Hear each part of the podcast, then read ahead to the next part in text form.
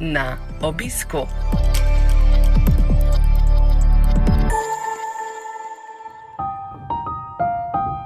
Z veseljem vam predstavljamo novo serijo podkastov na obisku.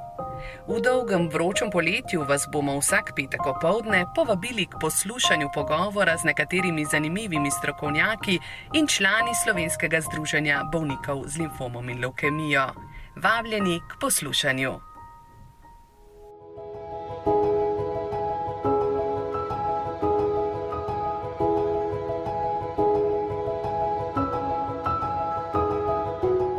Na obisku tokrat pri v tem času najverjetneje enem najbolj izpostavljenih in obremenjenih ljudi v državi. Medicina mu je bila položena v zibel, se je mati delala na urgenci, oče pa je bil reševalec. In tudi njegova soproga, s katero imata pet otrok, je kot diplomirana medicinska sestra zapisana medicini. Na sogovornik je torej zdravnik, je specialist, internist, ki je strokovni spit iz interne medicine opravil z odliko. Vmes je opravil in naredil tudi šest let študija stomatologije, vendar se je pred njegovim zaključkom že zaposlil v Eseniški splošni bolnišnici, kjer je delal predvsem na področjih kardiologije, angiologije in intenzivne medicine. Leta 2014 je postal direktor Jeseniške bolnišnice in po petih letih generalni direktor Ljubljanskega UKC. 23. februarja letos pa je postal minister za zdravje Republike Slovenije. Gospod minister Janez Poklukar, dober dan. Lepo pozdravljeni. Danes, ko pripravljava tale podcast, je ravno polletnica vašega ministrovanja. Človek ne more mimo vprašanja, kakšnih je bilo zadnjega pol leta. No, zadnjega pol leta je bilo zagotovo močno dinamičnega in pa pestrega.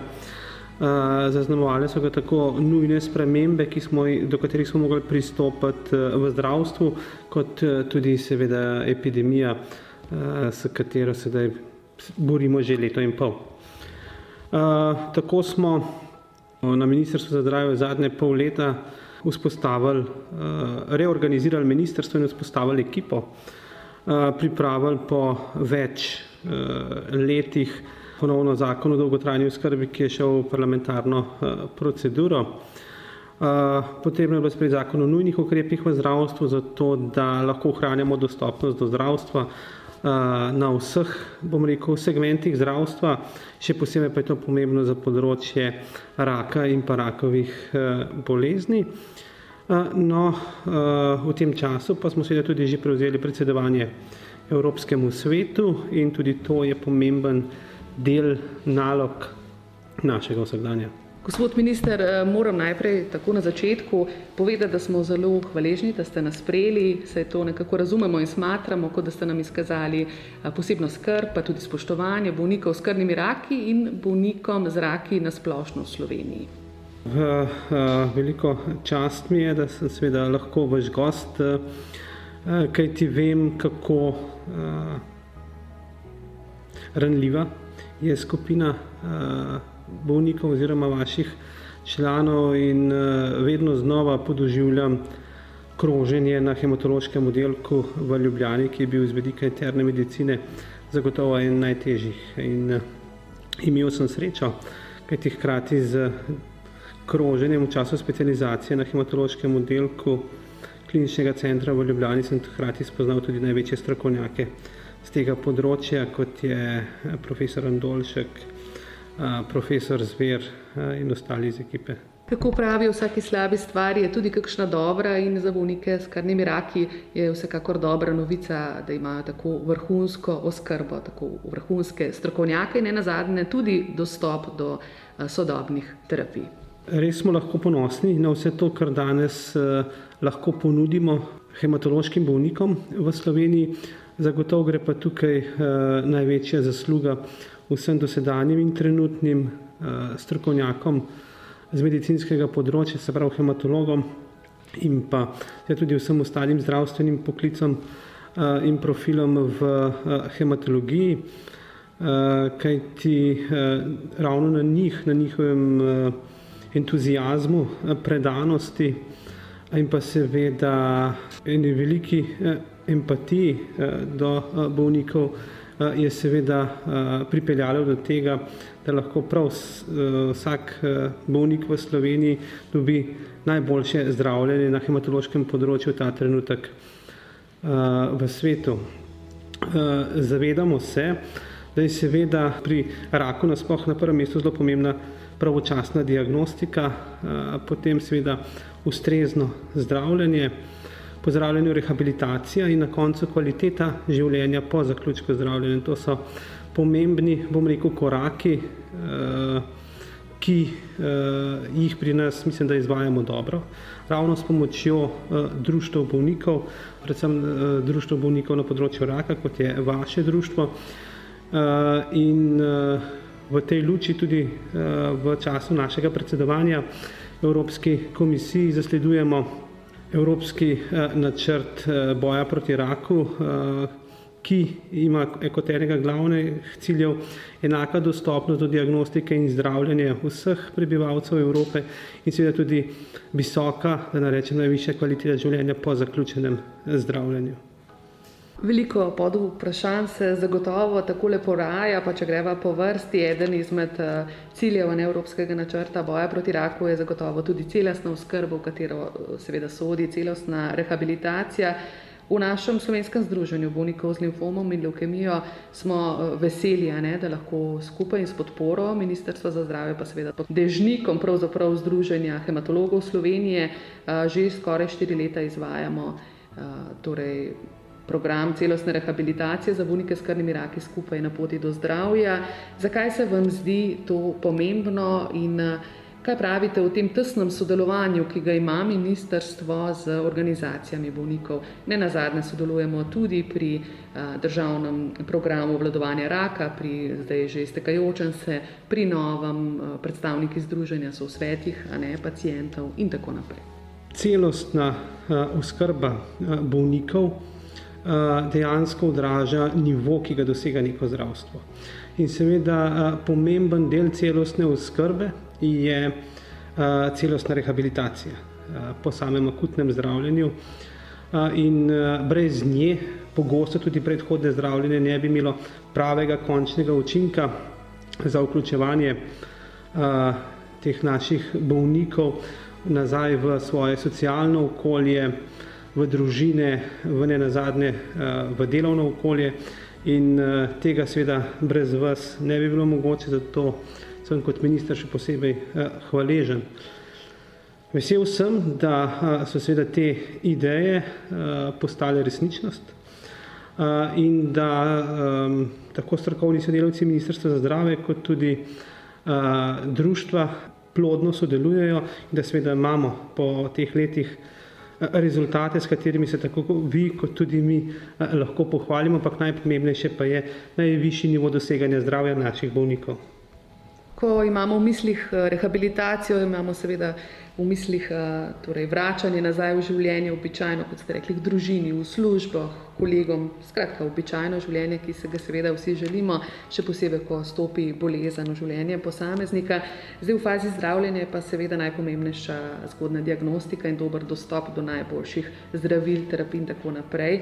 In zagotovo ste zelo dobro seznanjeni, takrat ste bili še direktor, a ne, generalni UKC Ljubljana, pa ravno v tistem prehodu, ko smo začeli s kampanjo Kar-T, zbiranja sredstev za nakup naprave, ste potem prevzeli tudi ministrstvo, ravno je bilo takole sredi februarja letos.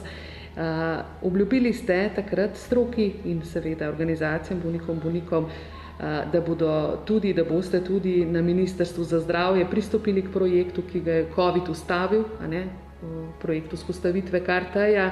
Zanima me, kje je zdaj trenutno ta projekt in kakšna je vloga ministrstva pri vzpostavitvi, da bo zadeva šla v življenje in bodo bolniki s krvnimi raki deležni zdravljenja z najsodobnejšo Kar-T terapijo. Cilj ministrstva je seveda zagotoviti vsem bolnikom najvišjo stopnjo zdravljenja, se pravi z najsodobnejšimi zdravili in pa tehnologijami in Kar-T po informacijah, ki sem jih pridobil strani profesor Zvera in ostalih strani hematološkega oddelka, predstavlja ravno to.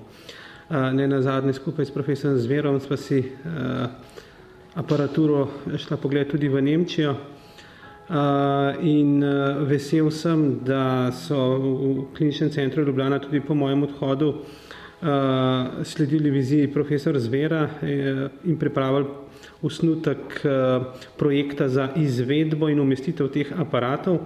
Tako da, kolikor mi je ta trenutek natančno znano, se bom rekel, ponovno preverja umeščanje oziroma lokacija umeščanja teh aparatur, sicer pa gremo po projektu dalje in smo pripričani, da je treba ta projekt čim prej zaključiti. Gospod minister Poklukar, ne bo tega projekta karti spet ustavil COVID, bo do konca leta stvar zaživela, kaj pravite? Epidemija pogosto, bom rekel, zamegljuje položaj in pozicijo Ministrstva za zdravje. Ampak Ministrstvo za zdravje je na prvem mestu Ministrstvo za zdravje in sami pacijenti COVID-a so izredno pomembni, ja.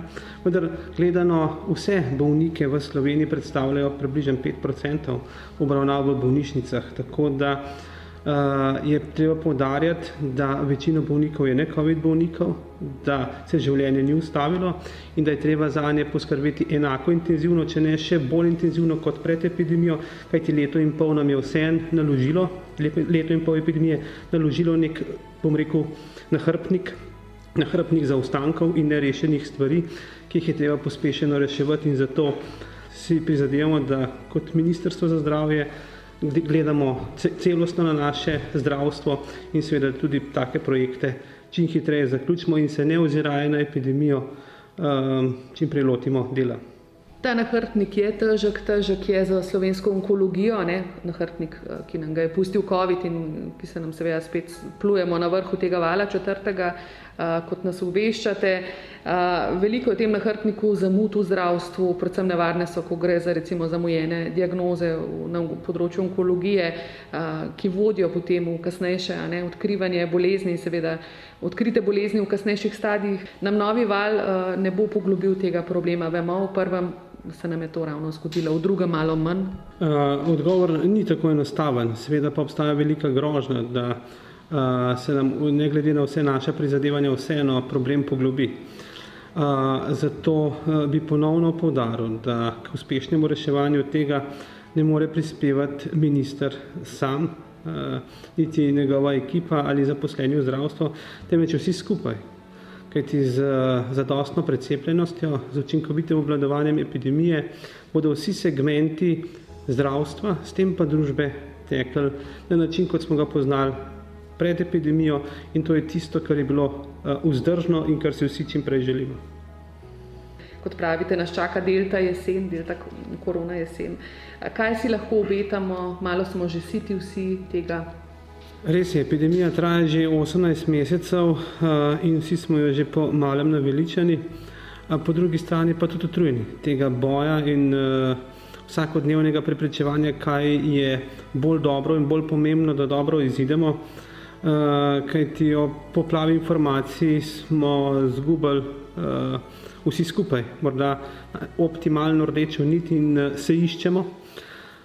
In tisto, kar si najbolj želim, seveda, da se v dobri komunikaciji, v sprejemanju konsenzov, kajti idealne rešitve ni, so samo, bom rekel, optimalne glede na možnost doseganja konsenzov znotraj segmentov družbe, čim prej poenotimo in izidemo iz te epidemije in v tej, bom rekel, mojem prepričanju, da, da je zdravstvo ključni del ta trenutek družbe, za katerega se moramo vsi skupaj boriti, da bo družba ostala odprta, samo kot tako, potem pa še epidemija, tudi iz tega vidika je vsa moja osredotočenost ta trenutek v reševanju izzivov iz preteklosti, izzivov, ki jih je naložila epidemija in izzivov, ki jih nalaga epidemija. Tako da zdravstvo je prioriteta in tudi iz tega razloga ne vidim nobene možnosti, da se kakorkoli drugače intenzivno ukvarjam s politiko, ampak zgolj kot strokovnjak in zdravnik s slovenskim zdravstvom. Vsi napori torej v cepljenje, v to uh, edino v resnici možnost preprečevanja, kolikor toliko dobrega uh, in vsi napori, k, da bi družba ostala odprta zaradi gospodarstva, da ne govorimo zaradi šole in seveda zaradi ostalih kroničnih in akutnih bolnikov, pa nam bo to uspelo, kaj kažejo projekcije tako v zadnjem tednu avgusta, kako dolgo lahko upamo, da bo država odprta na vseh omenjenih področjih. Kako uh, široko uh, bomo odprti oziroma kako Eh, koliko bomo spremljali neljube eh, ukrepe, je seveda odvisno od našega skupnega prizadevanja, da vladamo epidemijo. Najboljši ukrep, najboljše orodje za obvladovanje epidemije je prav gotovo cepljenje. In eh, dejstvo je, da je delta varianta koronavirusa približno dva pa polkrat bolj kužna, dvakrat bolj prenosljiva kot varianta, kot smo imeli lansko leto v jeseni. Se pravi za enake številke, potrebujemo dvakrat boljše, dvakrat optimalnejše ukrepe, kot smo jih imeli uh, pred uh, letom dni. Pa kljub temu se vsi skupaj uh, zavedamo, ne, da bo osko grlo in tisto, od katerega bo odvisna naša odprtost in sprejemanje neljubih ukrepov, odpolnjen in intenziven, v katerih pa v glavnem pričakujemo necepljene ljudi. Ja. In zato je ključno, da vsi skupaj še enkrat eh, razmislimo, kaj je naša prioriteta kot družba in eh, pristopimo eh, k cepljenju, kajti pa ne zato, da bi se, da bi se izognili delitvi na cepljene pa ne cepljene, ne? kajti delitev nas oddaljuje od eh, zmage nad koronavirusom. Ne? Samo skupaj enotni v temu, da družbeno odgovorno eh, z odlično komunikacijo eh, in pa dialogom na najvišji možni ravni dosežemo poenotenost in se cepimo, ker je to za družbo dobro. Se ne ukvarjamo več z razlogi, zakaj ne. Stroka je tako ali tako povedala, da je eh, cepivo eh, varno in učinkovito, tako da vse druge razprave so lahko obsežne in bolj ali manj na koncu ob tisočih in več mnenjih neplodne, tako da gre zgolj za to, kaj je v največji dobrobiti naše družbe slovenskega prebivalstva in to je zagotovo cepljenje.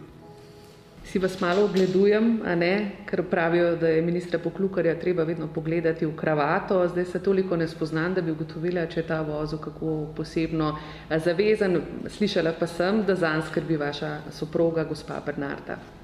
Za uh, vezanje kravat skrbi uh, soproga uh, Bernarda, tako da če me vprašate, kater vozil je to in uh, ali je poseben, vem, da ni poseben, ampak uh, več od tega ne vem uh, in uh, ja, uh, bom rekel, žena res skrbi, da uh, sem vsako dnevno urejen in skladno s temu tudi poskrbi za ta prav vozil na kravat, tako da je že naprej določen dan, uh, kakšen bo, bi rekel včasih, ampak uh, Uh, vesel sem, uh, da me podpira in mi tudi na ta način vsak dan da popotnico za uh, delo in pa službo.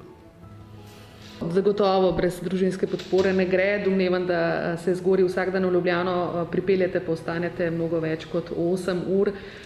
Kako sicer urejate to poklicno in družinsko življenje? Vaša družina je velika, pet otroke doma. Vsakodnevno se vozim iz Gori Prebledo oziroma me vozi šofer. Glavno pri tem je seveda to, da dodatne dve do tri ure delam, ker ti, ko se usedem v avto in ko s šoferjem na prvem križišču imamo roke ali gradivo za sestanke ali pa računalnik in podobno in na poti nazaj. In na ta način morda kdaj ujamem kakšno sekundo, da ne rečem minuto več, zato da sem pozno zvečer lahko tudi z otroci in pa ženo res je, najbolj sem ponosen na svojih pet otrok eh, in najpomembnejše je, da so zdravi. To je tisto, kar uh, je podlaga za to, da smo lahko v vsakodnevnih uh, življenjskih pričakovanjih skromni in tudi zadovoljni. Kako si napolnite baterije? To je tako klišejsko vprašanje, pa je v resnici zelo, zelo pomembno. Kako odahnete, kako si soprogo najdete čas zase, No, uh, baterije si uh, najpogosteje in najbolje polnim uh, v družbi uh, otrok in pa soproge, uh, tako da uh, radi uh, hodimo na družinske sprehode, tudi zvečer, ko se že rahlo morda mrači. Potem gremo pogosto, če le mogoče vsak vikend nekam v hribe, lahko so nižji, lahko je visokogorje. Sam pa tudi sicer v zimskem času, bil sem zimski športnik, sem smučal včasih, nisem bil tako kot vsi poklukarji zavezan teku na smučeh, vendar pa zdaj vsako leto rajši tečem na smučeh.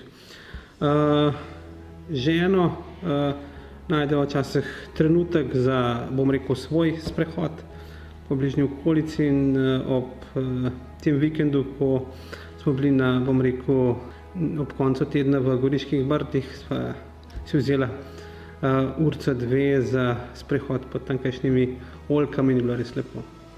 Proti koncu gre najem pogovor. Uh, ste pravzaprav edini minister oziroma prvi minister ste, tako so mi kolegi povedali, ki si je vzel čas in ki ga je v resnici iskreno zanimalo uh, pri organizacijah bolnikov, kakšne so njihove izkušnje, kako preživljajo obdobje tega COVID-a, kakšne so njihove potrebe, želje. Uh, imeli ste online sestanek s slovenskimi združenji bolnikov, uh, zato me zanima, če je to neka praksa, ki bo uh, prešla v verjetno prakso prihajam, bom rekel, zdaj poenostavljeno iz terena, ne, iz ambulante, iz oddelka.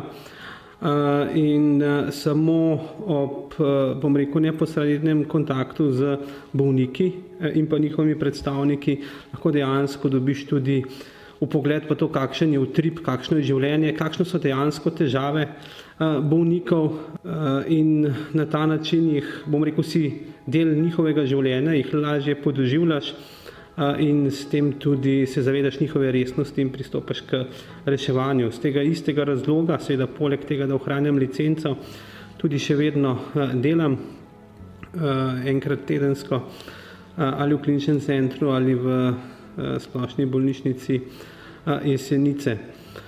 To sodelovanje z bolniki in pa njihovi društvi je pomembno, kajti, kot sem rekel, eno je zato, da kot na eni strani človek, zdravnik, po drugi tretji strani pa kot minister dobiš tisto ta prav pogled in občutek, kaj podoživljajo um, bolniki, po drugi strani pa na ta način si odpreš vrata, kajti edino to je pot uh, za ustrezno in pa zadostno komunikacijo, ki mislim, da je in tudi v bodoče mora biti, tako da verjamem, da bodo takšna in podobna srečanja v prihodnosti stalnica. Je pa res, da to, kar vse čas podarim, da živimo čim bolj normalno in da to naredimo tudi v živo. Čisto na začetku sem omenila, da vam je bila medicina nekako položena v zibel, da je bila mama na urgenci, pa oče je bil reševalec, pa žena, diplomirana medicinska sestra. Tudi vi ste šli na pota medicine, pa vendarle ste malo skrenili tudi v stomatologijo. A vas je kdaj zamikalo, da bi bili na mesto internista potem zubozdravnik? Ko me vprašate take stvari, lahko ugotovim samo to, da je smola, da ima dan 24 ur, ker človek v življenju počel uh, še uh, veliko stvari. Uh, dejstvo pa je, da res, da ko uh, sem diplomiral na medicinski fakulteti in uh, mislim, da sem 10. marca uh, diplomiral, 1. aprila začel z delom kot pripravnik v jeseniškem bolnici, takrat je bilo razmišljeno o tem, kaj bo stomatologijo praktično konec, kajti od prvega dne uh, z dušo in telesom predam bolnikom in pa delu v, v medicini. Sicer pa je tudi stomatološki študij bil zelo zanimiv, veliko sem se naučil, tudi verjamem, da sem v določenih posegih, katerim, ki jih upravljajo internisti, kardiologi, ročno morda bolj spreten kot tisti, kaj ne, kaj ti na stomatološki fakulteti smo dnevno tako vadili najprej na modelih, kot potem tudi eh, na eh, pacijentih samo izvajanje, eh, izdelavo zalivk, ekstrakcij zob. Tako da mi bilo vedno veselje in se rad spominjam teh dni. Ni pa ta trenutek več, bom rekel, nobenih ambicij na tem področju, predvsem zato, ker je življenje prekratko in želim si, da tisto, kar delam, delam dobro, da delam korektno, da delam pošteno na prvem mestu do tistega, do katerega dela upravljam, se pravi v tem primeru bolnikov, v drugem primeru do sodelavcev in ne nazadnje do svoje družine in pa do, do sebe. Dan pravite, je kratek, 24 ur ima, tako kot dnevi vseh ostalih, če imamo seveda srečo in smo zdravi, kot ste tudi danes večkrat omenili. Omenili ste tudi ambicije, zato ne bo zadnje vprašanje, kje bo minister Janez Poklukar čez deset let. Toliko ste že dosegli, zelo mladi ste še. Uh, ja, moja življenjska pot kaže na to, da sem izredno uh, dovzeten oziroma sledim izzivom, ki mi pridejo na življenjski poti. Uh, imam uh, veliko sreče, da imam, da imam pri tem podporo tudi v soprogi in pa v družini. Tisto ključno je, da bom tudi čez deset let zdrav, uh, kam me bo pa pot vodila, pa uh, kot pravijo prna sve, samo čarovnica. Ministr Janez Pokluka, najlepša hvala in predvsem hvala, ker ste si tudi vzeli čas za nas. Eh, hvala tudi vam, tako vam kot vašim članom oziroma bolnikom iz hematološkega področja in sem rakovim bolnikom želim mobilico zdravja in pa seveda računam na sodelovanje pri tem, da na široko ohranimo odprto oziroma dostopno naše zdravstvo, še posebej na področju raka.